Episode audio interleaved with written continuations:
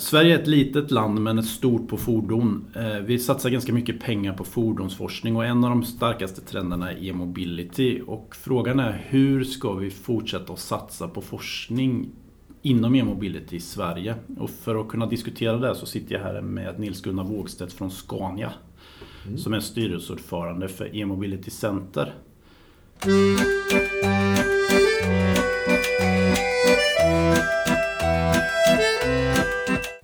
Och eh, som första fråga till dig då Nils-Gunnar så tänkte jag fråga vad tycker du är det viktigaste att fokusera på inom forskning inom e-, e-mobility i Sverige? Ja, vad är det viktigaste? Först vill jag tacka för att få vara med här i en podd. Det är jättespännande. Jag har inte gjort någon podd så det här är första podden för mig. Eh, ja, vad är det viktigaste att satsa på? Jag jobbar ju på Scania i en roll som något som kallas för Chief Engineer Electromobility chefsingenjör inom elektromobilitet. Det låter ju något det va. Men det handlar om att jag har en strategisk roll att försöka få vårt företag att röra oss i den här riktningen. För den här riktningen är viktig för, av många olika skäl. Eh, och när vi ska forska inom området så är det ju att titta på väldigt mycket bredd och det som kanske vi som industri har lämnat lite vid sidan och kanske inte riktigt tar in i produkter just idag. Så vi, det är ju forskningen som, som skapar den här äh, kunskapen om saker som sannolikt blir något, men vi måste också våga titta på saker som har lite lägre sannolikhet att bli något, bara för att bygga en kunskapsnivå. Så därför är det bredd inom elektromobilitets alla bemärkelser. Och vi har ju mejslat ut ett antal viktiga områden runt omkring batteriet, ända från kemin till användandet av batteriet.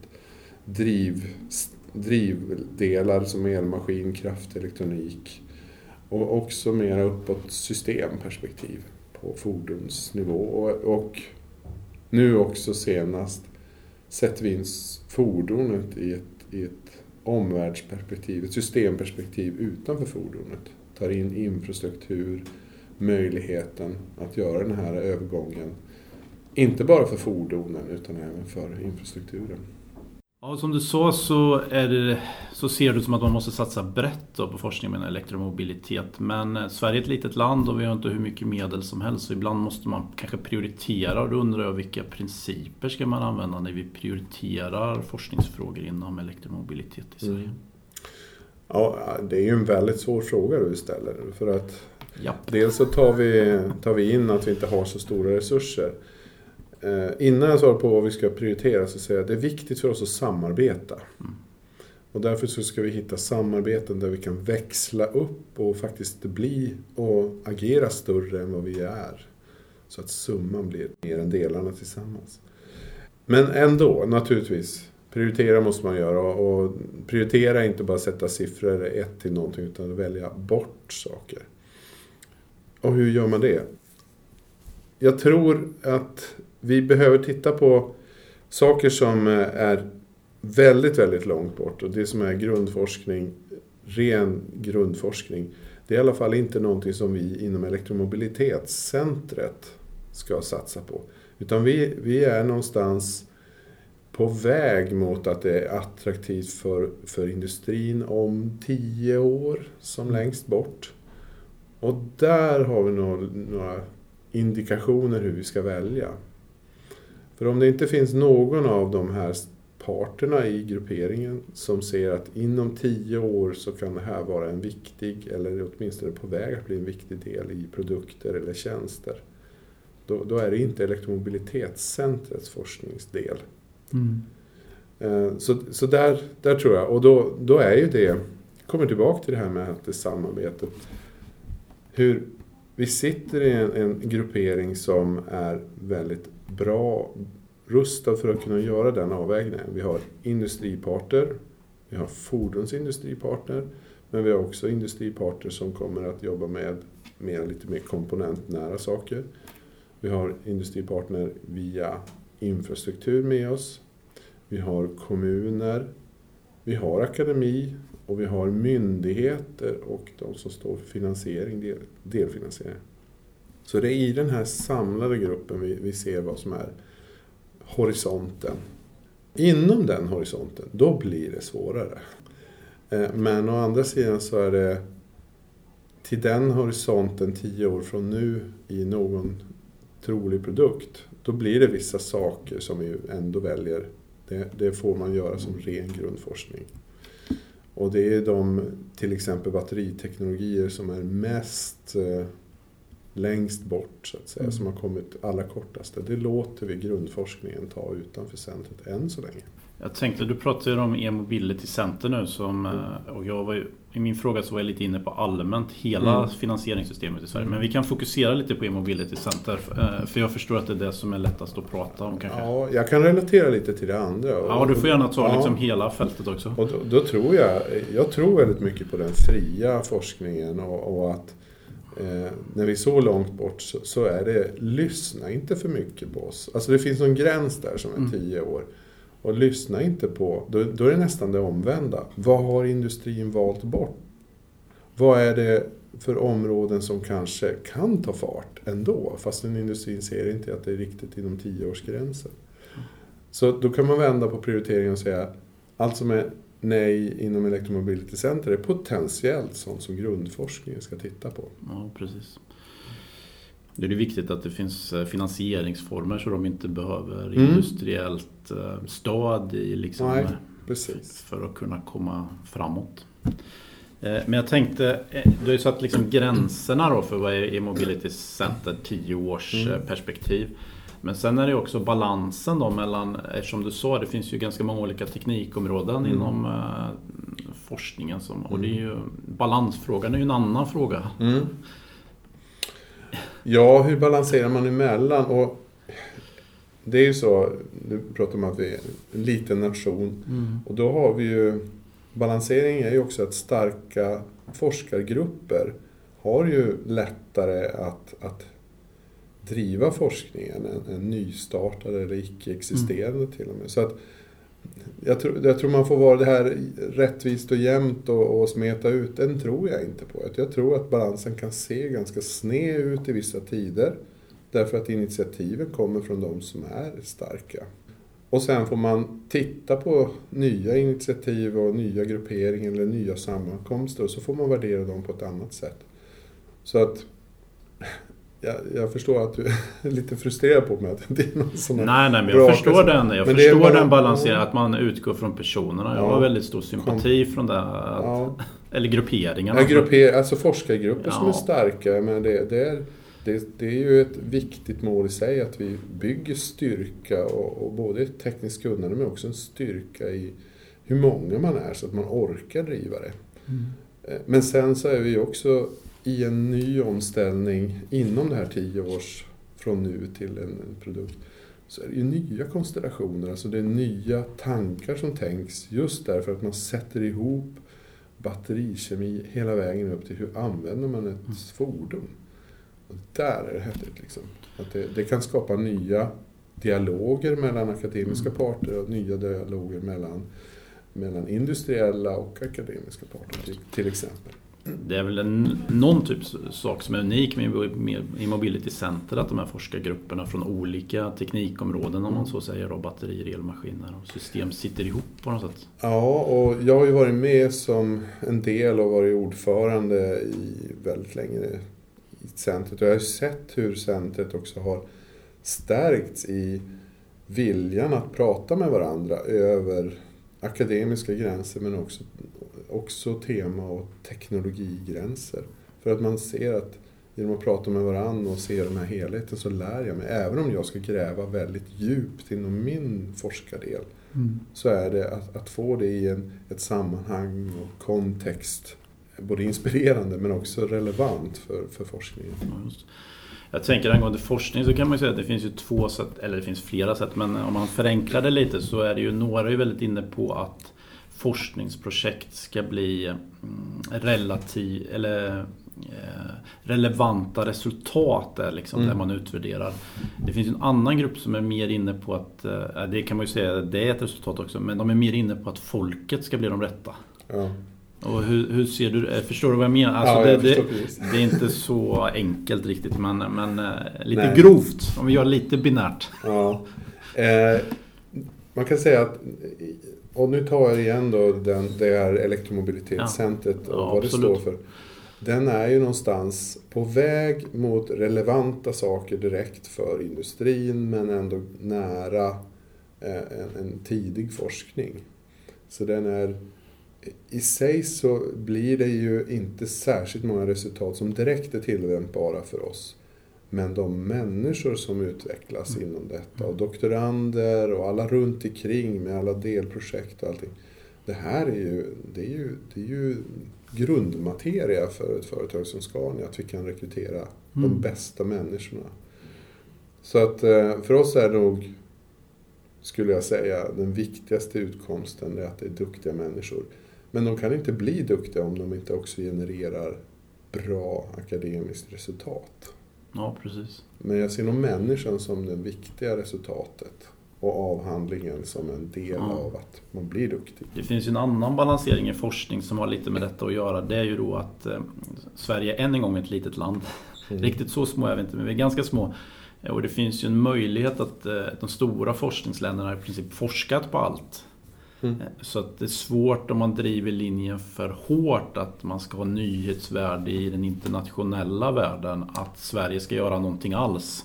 Mm. Eller vissa saker kanske vi ligger verkligen på ytterkanten. Men då kan det bli den här balansen mellan ska vi våga satsa på strategiska viktiga områden mm. som vi kanske inte är internationell eh, toppklass men vi behöver det strategiskt då. Så då, hur tänker du runt den frågan? Liksom? Ja, det första som, när du säger som du säger Magnus, det första är ju att eh, Patent och registreringsverket på 1700-talet var det som, som uttalade att ja, vi kan nog lägga ner nu för allt är redan forskat och allt är patenterat. Ja, liksom. är det ju. Det, det är, allt är inte forskat på. Nej, så är det ju. Absolut inte. Absolut. Jag är ju forskare i grunden själv så jag mm. vet. Ja. och eh, vart man än gräver så går det att gräva djupare. Och eh, akademiskt djup, eller höjd, hur mm. du ser det, går att skapa var som helst. Mm. Sen om det är relevant eller inte. Men jag är inte det minsta rädd om att, att eh, alla hål har nått någon, någon botten. Nej, det är klart. Liksom. Nej. Och jag reagerar ganska... Jag blir liksom när vi säger att vi är så små. Jag, jag tror att vi ska, vi ska vara kaxigare än så alltså. Mm. För eh, landet Sverige, så som vi jobbar och så som vi interagerar inom Sverige, så är vi... Det, det är ganska unikt. Och det är det vi ska förädla. Det här att vi, vi är inte många. Men vi har ganska lätt att prata med varandra och till och med mellan industrier. Som jag representerar Scania i min yrkesprofession och jag pratar frekvent med AB Volvo om tekniska vinningar för framtiden. Mm. Vi pratar med myndigheter på ett sätt som att myndigheterna är inte är där för att straffa industrin utan myndigheter och industri och akademi tillsammans skapar en styrka. Mm. Och med det sagt så skulle jag säga att vi, vi är inte små. Vi är numerärt inte många i landet. Men bara för att man är numerärt få kan man fortfarande vara världsmästare i, i en gren eller sport eller i ett forskningsområde. Så det, det är setupen, som sagt. Ja, det är mycket organisering också. Ja, vi, jag tycker vi ska, vi, ska, vi ska känna råg i ryggen i Sverige forskningsmässigt. att Numerären, nej. Men vi har absolut förutsättningar att bli, bli starka spelare internationellt. Mm. Om vi spinner vidare lite på att vi ska bli starka spelare internationellt så är en del i, i Mobility Center är att finansiera forskningsprojekt. Mm. Och då undrar jag liksom, vad tycker du är viktiga kriterier för att välja ett forskningsprojekt för E-mobility Center oavsett inom vilket teknikområde eller temaområde eller så? Du har ju varit inne lite på grupperingar och så, men om det finns andra? Eh, ja, en viktig del som jag ser det är vi tjatar om det här hur små vi är och det, det är vi ju naturligtvis. Och en det är mest jag som har tjatat. Ja, men en viktig del är att den lilla pengen inom Electromobility Center, som är ett antal tiotals miljoner per år, eh, den tycker jag ska prioriteras där det finns möjlighet att växla upp den på olika sätt.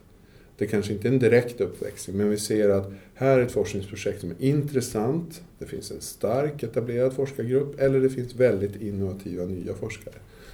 Eh, men det är ett område som, som vi ser omvärlden rör sig dit och eh, externa finansieringar av typen EU-program och annat är i det området. Mm. De är rätt bra att satsa på för då blir det liksom en möjlig uppväxling i omfattning. Mm. För hur spännande något än är så är det, är det så att vi inte kan se den där uppväxlingen så blir det en liten, liten, mm. liten forskning gjord. Mm. Den kommer inte vidare. Så det skulle jag vilja säga. att Har vi potential att växla upp den så det är ett viktigt kriterium för, för projektval. Eh, men ett annat kriterium är ju då att det också finns ett, ett intresse från flera spelare inom forskningsgrupperingen som vill gå den vägen. Så är det, det, det, är omöjligt för oss som sitter i, i ledningen att säga ni borde forska på. Om det inte finns en drivkraft, ett engagemang hos en forskargrupp eller flera, då kommer det inte hända. Mm. Du kan hälla på dem hur mycket pengar som helst. De kommer göra andra saker för de pengarna, men inte det du vill. Så här är det drivkraften i möjlig uppväxling, men också drivkraften i att det finns engagerad forskargrupp eller dialog mellan forskargrupp och industri. Viktig utvärdering där. Om vi lämnar lite forskningsprojekt och går över kanske mer på hela centret. Vad ser du ett sånt här centrum som e-mobility har för utmaningar mm. framåt? Det går ju väldigt fort exempelvis det här området tycker ja, jag. Ja, vi har haft väldigt stora utmaningar. När vi bildade centret någonstans 2008, någonting sånt där så var ju det här hyfsat obskyr verksamhet och industrin med elektrifiering i mobility. Jag tror inte ens hade uppfunnit ordet e-mobility 2008. Det var ju rätt obskyrt. Ja, det där kan du ju hålla på med. Och så fanns det lite, lite drivande människor, men de var ju inte i någon större gruppering. Så då hade vi en, en utmaning att skapa intresse och vilja i gruppen de olika grupperingarna. Eh, vi hade under en tid också en ganska stor ekonomisk utmaning att det föll ifrån spelare som Saab till exempel. Eh, och även Hägglunds. Eh, lite jobbigt, eller mycket jobbigt just för en verksamhet som försöker växa. Mm. Nu har vi nog snarare kommit till en utmaning som, som säger att man tittar på oss och hur tusen ska ni orka med, ni är ju så små. Mm. så att nu har omvärlden liksom blivit väldigt stor och etablerad. Men, men jag vill säga att det finns stora möjligheter för oss nu att, att få fart och det är oerhört roligt att veta från, från eh, olika håll som säger att Electromobility Center börjar bli en instans som man räknar med. Mm en, ett projekt eller ett förslag som har gått genom Electromobility Center har fått en kvalitetsstämpel. Det börjar bli en internationell bekräftelse. Men där ligger nog vår fortsatta utmaning. Det är att få, få den här styrkan internationellt och bli liksom ett forskningscentrum som är internationellt, internationellt etablerat och, och sett som en högsta kvalitet på. Just. Men hur gör man det? Enkel fråga. Ja, hur gör man det? Dels är det ju små, småstegsprincipen ja. som vi är världsmästare på. Scania. Ta, vet vart vi ska, men vi vandrar där. Vilket är frustrerande för väldigt många, de tycker att ni tar inga kliv. Nej, vi tar inga kliv. Vi tar många små steg. Mm. Så blir det till slut ett kliv. Så det är det här nötandet, vi fortsätter att försöka synas och delta och eh, hitta internationella spelare som vi pratar med och så blir det ett forskningsområde, kanske blir ett projekt. Det tar tid att bli etablerad, det tar tid att bli en, en, en, en så att säga ett forskningscentrum som, som har de här kriterierna. Så att uthålligheten, att, att omvärlden har uthållighet med oss tror jag är, ehm, det är kanske också en utmaning. Mm. Men vi vill kämpa vidare.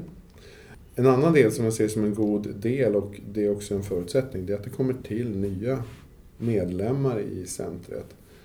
Eh, och eh, någonstans så finns det någon kritisk massa eller snöboll som rullar ut för en utför ett, en, en backe. Så bygger vi och blir tillräckligt stora så kommer det att dra till sig. Det blir någon typ av gravitation. Jag ska inte, nu ska jag inte sitta och säga att det blir en jättestark gravitation men vid något tillfälle så börjar det faktiskt vilja ett, någonting man vill vara en del av. Mm. Mm.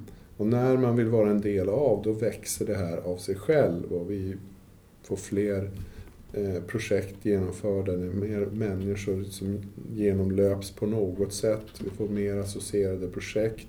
Stämpeln Electromobility Center i Sverige kommer på fler ställen. Så det är, ett, det är så man gör tror jag, skapar den här massan som börjar röra sig av sig själv. Om vi då, E-mobility Center är ju liksom en del av ett finansieringssystem i Sverige och Europa. Eh, kan man väl säga. Och eh, finns det, du har ju följt e-mobility ganska länge. Finns det någon aktör som borde liksom träda fram lite starkare i Sverige för att liksom driva på utvecklingen och i så fall vem? Ja, vem ska kliva fram? Jag tror inte det är någon enskild, utan jag tror att alla spelare behöver kliva fram. Jag var inne på att Elektromobilitetscentrum, eller som det hette då, Svenskt Hybridcentrum, ja. Var en liten del. Och det var ju också så att alla parternas del inom det här området var ju väldigt liten. Nu är den inte liten. Den är inte liten för fordonsindustrin. Den är, den är väldigt mycket på agendan för, för Trafikverket, Energimyndigheten och andra det, det, är att steppa upp för alla spelare. Och mm. ta sitt ansvar och säga att men det här är viktigt. För vi har ju legat på i stort sett samma finansieringsgrad och samma mm. omslutning hela vägen. Medan omvärlden har börjat från ingenting och nu är väldigt mycket mer inriktad. Så det, det är forskningsanslagen inom elektromobilitet behöver rampas upp. Eh, och kanske inte på bekostnad av så många. Jag, jag ser ju en viktig del i eh, att elektromobilitet är inte bara elektrisk utan elektromobilitet innefattar även dialog med eh, förbränningsmotorteknik. För åtminstone inom vår värld med tunga fordon så kommer vi att ha en länk mellan elektrisk och förbränningsmotor som är viktig. Vi kallar det hybridisering. Den kommer att vara viktig. Vi kommer att se helelektriska alternativ för fjärrtrafik men vi kommer också se behov att klara effektiviseringen med hjälp av enkel hybridisering. Så de kommer att samverka. Så när, och då kan jag rikta mig till, om någon lyssnar på det, att, att vi ska inte stänga ner firma Sverige vad gäller fordonsteknik inom förbränningsmotor och bara göra elektriska lösningar. Vi ska förstärka firma Sverige när det handlar om att vara duktiga på att göra den här lösningen, hybridisering. För det är ju någonting som andra delar av världen inte riktigt satsar på. Mm. Och här finns det ju väldigt spännande saker för ingenjörer och för forskare att titta på. Optimeringar av de här komplexa systemen. Så där skulle jag vilja se en uppsteppning och acceptans att se att världen inte nödvändigtvis är helelektrisk framåt. Mm. Åtminstone inte i närtid. Utan den är elektrifierad.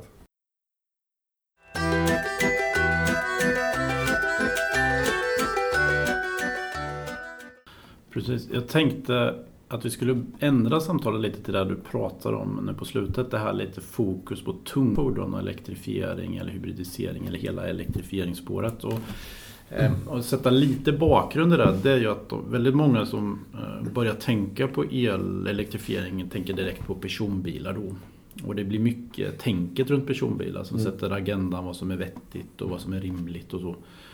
Eh, och, eh, men jag tänkte du som har jobbat eh, så länge inom tunga sidan. Vad är det de som bara tänker personbilar missar när man pratar om tunga fordon? Alltså vad är liksom annorlunda med den tillämpningen? Speciellt mot det här med elektrifiering. Ja, um, det mesta. det mesta. det ibland brukar vi skoja och säga att de tunga fordonen på väg, ah. uppåt 40 och 60 ton, och en personbil. Eh, I stort sett det man har gemensamt är att man rullar på gummihjul på en väg. Mm. Ja, det är inte så mycket. Nej. Eh, Och eh, fokuserar man bara på personbil så kommer vi inte att lösa de stora svåra frågorna. Och de stora, de stora svåra frågorna vill jag säga handlar väldigt mycket om energi, hur energin är producerad och att vi, vi gemensamt med alla spelare inom transportapparaten måste förändra oss. Det är inte hållbart att göra som vi har gjort och fortfarande gör. Eh, det man missar när man kör en tänker personbil, det är följande. Jag tar ett exempel. Absolut. Vi har en fjärrbil som kör ett år. Och den använder ett bränsle, det kan vara jättebra bränsle, HVO till exempel. Men bara volymen av det motsvarar två stycken medelstora villapooler med bränsle. Mm. En lastbil, ett år. Motsvarande energimängd för en personbil, det är, det är ett badkar. Mm. Eller två. Mm. Det är inte mycket mer. Så att magnituden av, av, av de här stora fordonen på väg när det handlar om energi är så pass ja, den är så pass stor så att tar vi inte med det, då missar vi. Då gör vi ingen större nytta. En annan sak som vi gör när vi miss, missar det är att personbilsindustrin, jag säger inte att den är oviktig, den är lika viktig, men har faktiskt lättare att ta de här stegen. Och energieffektivisering till exempel. Tunga sidan har jobbat med energieffektivisering i mer än 50 år. Därför att kunderna betalar och konkurrerar på marginalen. Och då blir kostnad för drivmedel en väldigt viktig del. Så det har varit ett naturligt konkurrensmedel att bli så energieffektiv som man bara kan.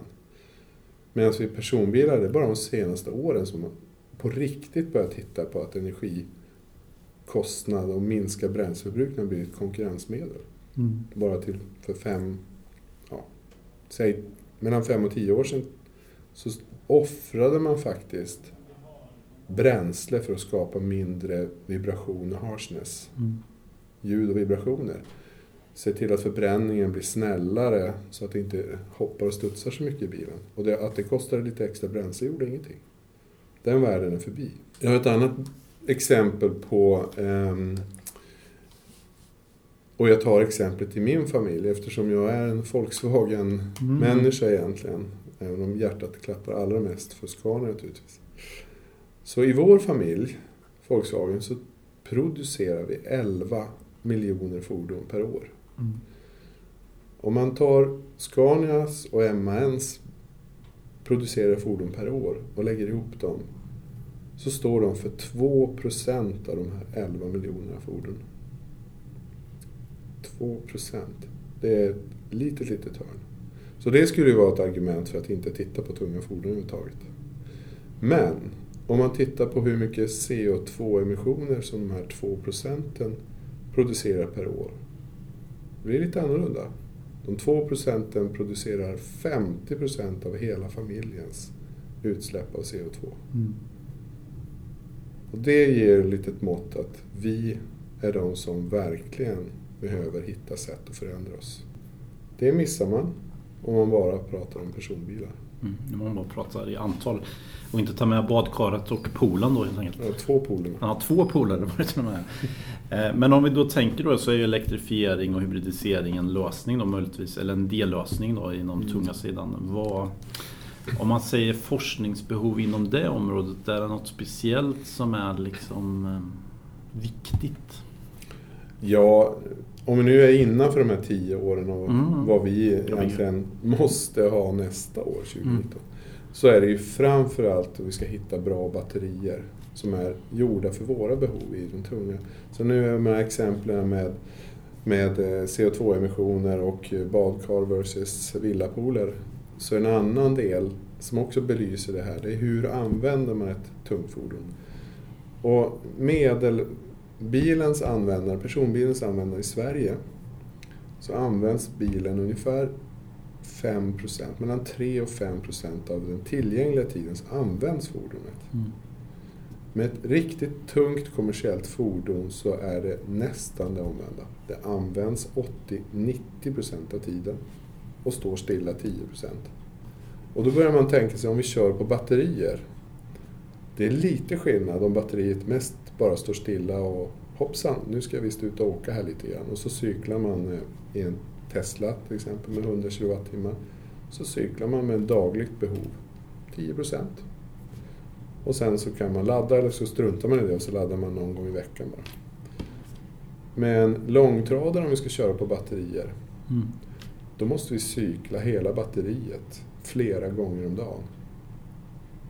Och dessutom ska det då leva åtminstone en väsentlig del av fordonets livslängd. De batterierna finns inte idag. Mm. Oavsett vad vem som helst säger så finns de inte idag. Mm. De kommer att finnas, vi utvecklar dem, batteritekniken går framåt. Men de existerar inte idag för det. Apropå det så uppfattar det som en av anledningarna till att ni eh, har skrivit ett partnerskap med det här svenska företaget Mm. Northvolt var ju bland annat att ni skulle utveckla mm, celler då för tunga fordonstillämpningen Mm. om jag Det kommer ihåg pressreleasen rätt. Du har uppfattat det helt korrekt. Jättespännande. Och det finns ett antal spännande drivkrafter till varför vi har valt att gå in i det. Eh, Vi är ju en del av många som går in i ett sådant samarbete. Det här är ju en jätteaffär. Totalt sett. Men vi går in där för att, precis som jag belyser här innan, att, att användandedelen av batterier för våra produkter är så oerhört annorlunda. Så ja, man kan stoppa dit personbilsoptimerade celler. Men vi vet, tillsammans med forskning på, på, inom elektromobilitetscentret eh, och spelar där, att om man tweakar battericellen i en viss riktning så kan man få battericeller som är betydligt bättre för att ha den här ganska jobbiga cyklingen och ha bättre förutsättningar. Och det är därför vi vill vara nära en batteritillverkare och gärna en batteritillverkare som inte har bara stora spelare och kunder som skriker personbilskrav i Mm. öronen på dem. Och här ser vi en fantastisk möjlighet att vara med och skruva där. Mm. Och säga att Titta, kan ni ändra den kemiska uppsättningen så här? Kan ni ändra materialen lite grann? Kan vi ändra hur bygget lite grann? Så skulle det passa så mycket bättre för de här tunga fordonen. Så det är en viktig del. En annan viktig del är att vi ser på att batterier måste också hållbart framställas. Och batteritillverkning är enormt energikrävande. Så att, att få en batterifabrik i Norden är fantastiskt utifrån Mm. det perspektivet. Med vår gröna el och möjligheter. Och, Exakt. ja, det är oerhört spännande. Mm. Jag tänkte, mm, om vi lämnar Northvolt då, som ett företag så, så finns det ett annat då, som heter Tesla som kanske är lite mer inne på den här använda personbilsbatterier i sin eh, Mm. tunga fordonstillämpning. Eh, Eh, men vad, hur tänker du runt det de sa och hur de pratar om sin framtida produkt, den här semitrailern i USA då framförallt?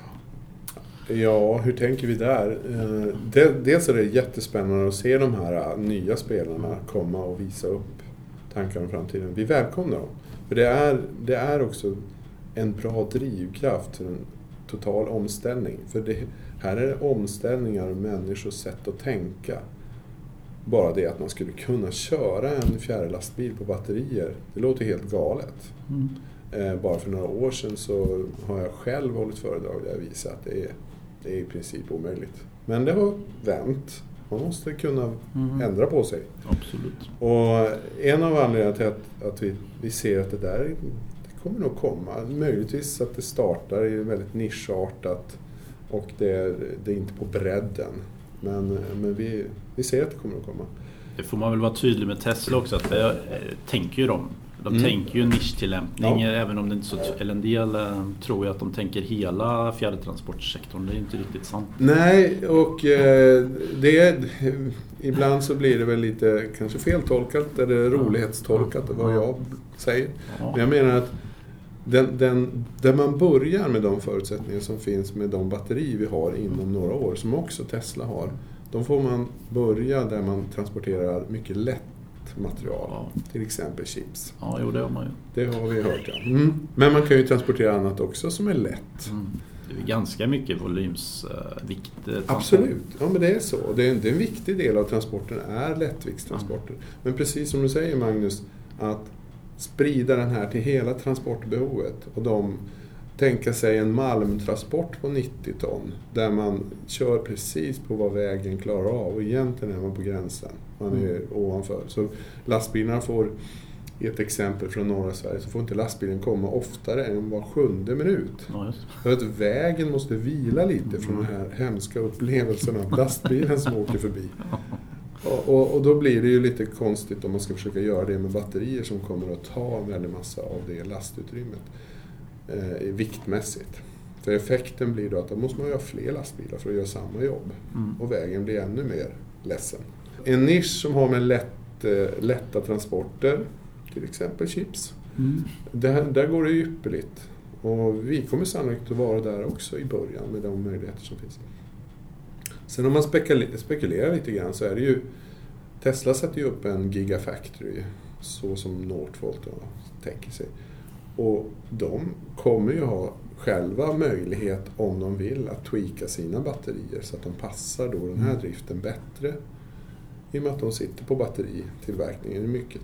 Så att eh, det är väldigt spännande att se. Och jag tror vi kommer att se en dragning åt de batterierna som blir mer åt det här hållet. Blir mera vanligt förekommande framöver. Det kommer att ta en stund. Mm. Men den tillverkaren som har ett batteri som kostar hälften, lever dubbelt så länge, har en hållbar framställning och är lätt att återvinna, mm. är en vinnare. Och där vill, vill ju vi vara med, mm. naturligtvis. Men du pratar om att det finns andra spelare än Tesla, så jag avbröt det lite mitt i resonemanget. Är det något annat du tänkte på? Som, eller var det mer generellt, att det är roligt att det kommer nya aktörer? Ja, det, det är ju en hel del. Eh, spännande aktörer som vi får se om de orkar hela vägen till att göra produkter. Men vi har ju en annan, kanske känd spelare som, som jobbar med bränsleceller, vätgas. Det är ju Nikola Motors. Eh, där eh, svenska Powercell har gått in. Jättespännande.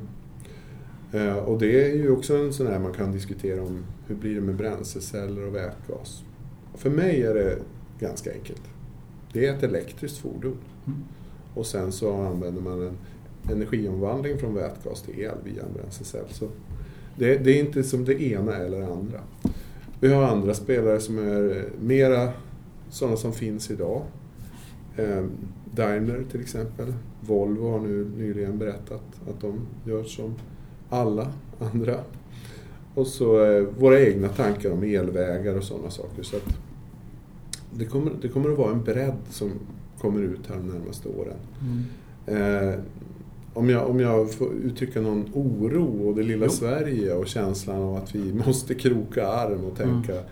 att vi eh, numerärt är få men vi kan vara kraftiga, duktiga ändå. Mm. Det är ju att vi ser spelare från Kina så som Build Your Dreams, BUD. Mm. De är lite under radarn. Mm de är väsentligt större än någon annan spelare. Men har inte samma hip-faktor som Nej. Tesla och Nikola Motors till exempel. Men de har batteritillverkning nära sig. De gör både lätta fordon och tunga fordon. Och sist jag kollade så var de världens största tillverkare av helelektriska fordon. Mm. Det tror jag stämmer. Om man både kopplar, eller att de både gör personbilar och eh, mm. bussar och tunga fordon så är det säkert sant. Så det, det kommer ut en hel uppsjö av nya spelare och de mer etablerade som också försöker komma in här. Mm. Ja, det är en spännande framtid vi går emot. Jag tänkte, det finns ju också den här diskussionen mellan lätta och tunga fordon. Att oftast så blir det ju så att lätta fordon då får subventioner när det kommer nya tekniker och så. Och tunga fordon mer ekonomiskt och det brukar inte riktigt vara lika mycket subventioner i den sektorn då och inte heller lika mycket satsningar. Det är inte lika publikt kanske, är väl en anledning. Men om man tänker så att Sverige kanske tänker till och förstår att eh, vi kanske först och främst är ett tungt fordonsland i bemärkelsen kompetens och tillverkning och så. Mm. Så skulle man ju kunna tänka sig att någon politiker tyckte att då ska vi satsa väldigt stort på att eh, mm öka hastigheten och Mm.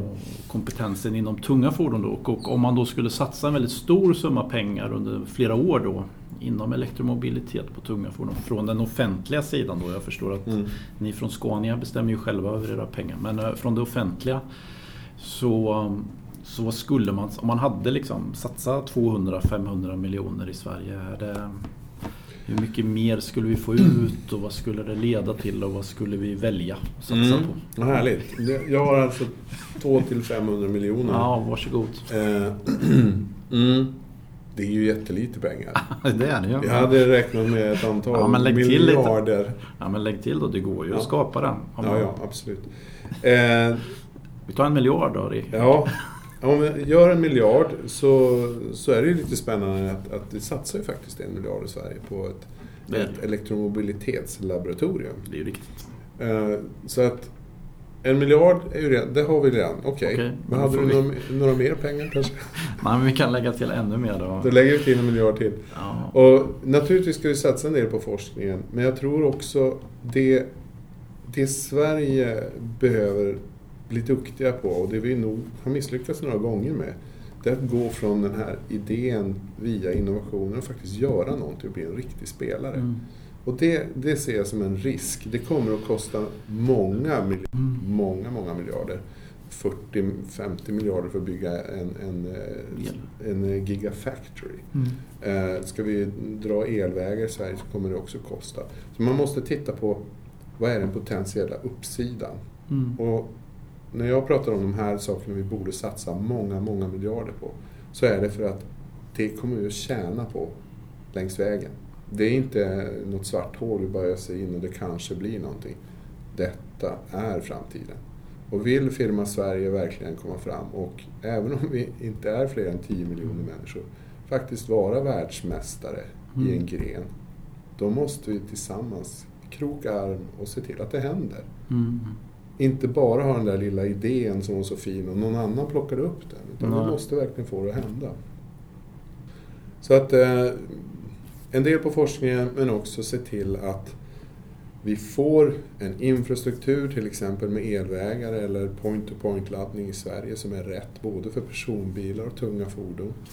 Eh, att vi kan skapa förutsättningarna för att sätta ut och visa modellen Sverige hur bra den är och att den också kan vara en del för att förändra resten av världen. Mm. Vi har ju de absolut bästa förutsättningarna här vad gäller energi, vad det gäller möjlighet. Vi har bra, duktiga spelare industriellt.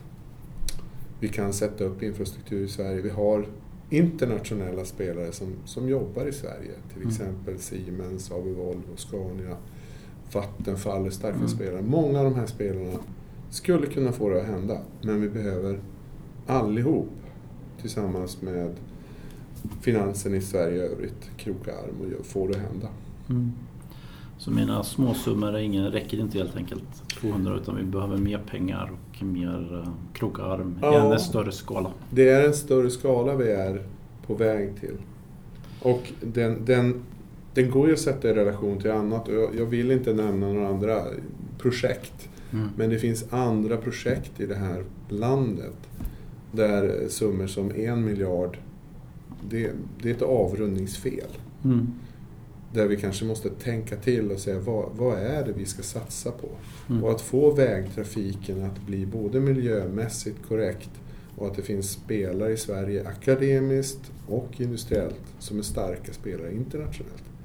Det ska vi satsa på. Det är Mm. kanske andra saker vi ska satsa mindre på. Mm. Det är ju en del, en möjlighet att man liksom omprioriterar då beroende på. Men det finns ju också en fråga som handlar om eh, ny innovationer genom eh, styrmedel och finans. Alltså hur Mm. skattesystemet ser ut. Och vi har ju inom lätta sidan så gör man ju det här bonus malus-systemet Mm. exempelvis. Och det är ju frågan liksom hur man gör överflyttning av pengar mellan det dåliga och det bra och så. Ja, och det, finns ju många idéer som vi inte använder i Sverige Nej. som inte bara är idéer utan används. Ja, det finns ju andra länder absolut. Ja, och eh, Tyskland har ju ett system eh, när det handlar om tung transport som heter MAUT. Mm. Och Tyskland är ju ett transitland så de har ju väldigt mycket av trafik som inte är tysk som Mm. åker igenom landet. Och då har man ju bildat en möjlighet att ta ut avgifter för den här transittrafiken som går att använda till infrastruktur eller annat. Vi har inte riktigt den tanken i Sverige. Mm. Jag tror att vi behöver tänka om där. Mm. Att se det som ett sätt. Ett annat sätt är ju att kanske titta på modeller hur man finansierar stora investeringar och infrastrukturbyggen. Att vi kanske inte kan ta det ur en skattekista som redan finns från, Mm. från statens finanser. Delar ska vi säkert ha, men vi måste nog blanda in initiativ och affärsmodeller som gör att det här är intressant att bygga. Därför att det blir en väldigt bra affär på sikt. Absolut. Till exempel elvägar igen, där vi ser att det är en oerhört stor kostnad att sätta ner den. Mm. När den finns och används så är det en oerhört stor intäkt. I form av att den är så nyttig ur ett energibesparingsperspektiv och alternativa kostnader för att fortsätta köra fossila drivmedel. Så vi måste bara hitta de här modellerna av typen bonus-malus eller eh, finansiering via MAUT-system liknande eller privat statliga finansieringar av projekt. Vi måste bli mer öppna än de gamla hederliga modellerna som vi har haft. Vi får hoppas att Sverige blir kreativ och innovativ även inom detta område. Ja, och jag har stor förhoppning. Det är, bland annat inom elvägar så finns det ett stort projekt Mm. som, som drivs av RISE som tittar Absolut. just på det här. Hur ska vi, hur ska vi komma ut från, Mm. Eh, från det gamla till det nya utifrån affärsperspektivet? Mm. Vi vet nu att tekniken funkar. Vi vet att den går att sätta ut i verkligheten. Vi vet att den gör stor nytta. Men vi vet inte hur vi gör affär på det. Nej. Men en aspekt som jag tycker är intressant med elvägar, och jag är stark sympatisör för elvägar, men det är ju att mm, det är en sak när man sätter elvägar kontra liksom diesellastbilar och det blir liksom ett Mm. väldigt rent case. Så. Men det finns ju rätt mycket alternativ inom tunga sidan. Sen kan man ju diskutera om alla har lika stor potential eller om det går att fylla hela Mm. sektorn. Men den är ju, det är ju lite... eh, Målbilden är lite rörig. Ja, det är För många politiker, eller många som tänker på framtidsinvesteringar. Och, och då, det är ju hur hanterar man att det finns många vägar framåt, eh, om man säger. Ja, Inte bara elväg. Eh, det finns många vägar framåt och jag, jag skulle vilja att man hanterar den på följande sätt och säga att vi ska inte komma dragandes med alla vägar till alla platser. nej, visst. Utan man ska titta på vad, vad är förutsättningarna här på ett Mm. visst ställe. De kan skilja sig mot någon annan plats och då Mm. kan det vara lämpligt att i till exempel en plats där man har väldigt mycket vätgas i Mm. sitt normala flöde. Det är någon stor industri som, som har Det som finns ju många sådana i Sverige. Ja. Där är det ju väldigt naturligt att använda en lösning som heter bränsleceller och vätgas. Alternativt att tillverka el på plats, även Abs- där, av Mm. Ja. vätgasen. Absolut. Vi, vi har nog en väldig massa alternativ, men försök att, att inte använda alla alternativ på alla ställen. Nej, just det. Eh, I vissa fall så är det en väldigt lo- mycket lokal produktion av biobränsle. Då är det lämpligt kanske att använda biobränsle Mm. på den platsen. Och i vissa fall så finns det mycket möjlighet att köra med HVO, Mm. alltså biobränsle i form av, av eh, vegetariska skogsavfall och annat. Kör där. Mm. Och på vissa ställen kommer det vara intressant att titta på elvägen och blanda in den. Mm. Kanske en kombination. Det kommer att vara en mängd alternativ, åtminstone under ganska lång tid framåt. Men vi måste göra det, eller vi, allihop måste se till att den som satsar på det, om du har ett åkeri som ska satsa, som har sina fordon kommer att rulla i tio år. De måste på något sätt få en försäkran att det finns en stabilitet i kostnadsnivåer och tillgänglighet för bränslen. Annars kommer de aldrig satsa på det. Mm. Och där går vi bort oss lite grann. Och jag tycker det, nu är det vad jag tycker själv, men, men det jag tycker att vi har misslyckats i Sverige lite med den här hur, hur vi först premierar att använda bioetanol till exempel, E85. Och sen så drar man tillbaka de subventionerna och bara ändrar skattesatsen lite Mm. grann och ser hur, hur snabbt folk lämnar det när, Mm. det när det blir ett dyrare alternativ. Så är det absolut. Eh, och sen är det mycket diskussioner om det är bra eller dåligt. Så kunskap och tydlighet, acceptera att det finns många alternativ men använd inte alla alternativ på alla ställen. Mm. Det tror jag är en viktig del. Ja, men det är utmärkt. Ja men kalas, jag tror vi ska sluta här. Är det något mer du vill säga om eh, forskningsbehov eller någonting som eh, du vill skicka med till alla lyssnare om EV? Ja, jag, jag tror vi har pratat om allt det mesta och vänt och vridit på det mesta. Eh, nej, men jag, vill, jag vill skicka med om att det här är ett, det här är ett område, kanske i gemene man, ännu inte riktigt sett som så stort. Eh, med att det är väldigt mycket diskussioner. Men elektrifiering och det här teknikområdet kommer att vara, det, det kommer att vara en väldigt viktig del för vår fortsatta transportapparat. Det kommer att vara en väldigt viktig bidragande del för att förbättra miljöprestanda i världen. Eh, och det är ett viktigt område att satsa på forskning på. Mm. Så det är lite avrunda och sammanfatta kanske, jag vet ja, inte. Absolut. Ja, men tack så jättemycket. Eh, ni har alla lyssnat på en podd från Nyhetsbrevet om EVI som är finansierad till myndigheten och Swedish Electromobility Center är värdar för det här nyhetsbrevet. Tack så mycket. Tack så mycket Magnus.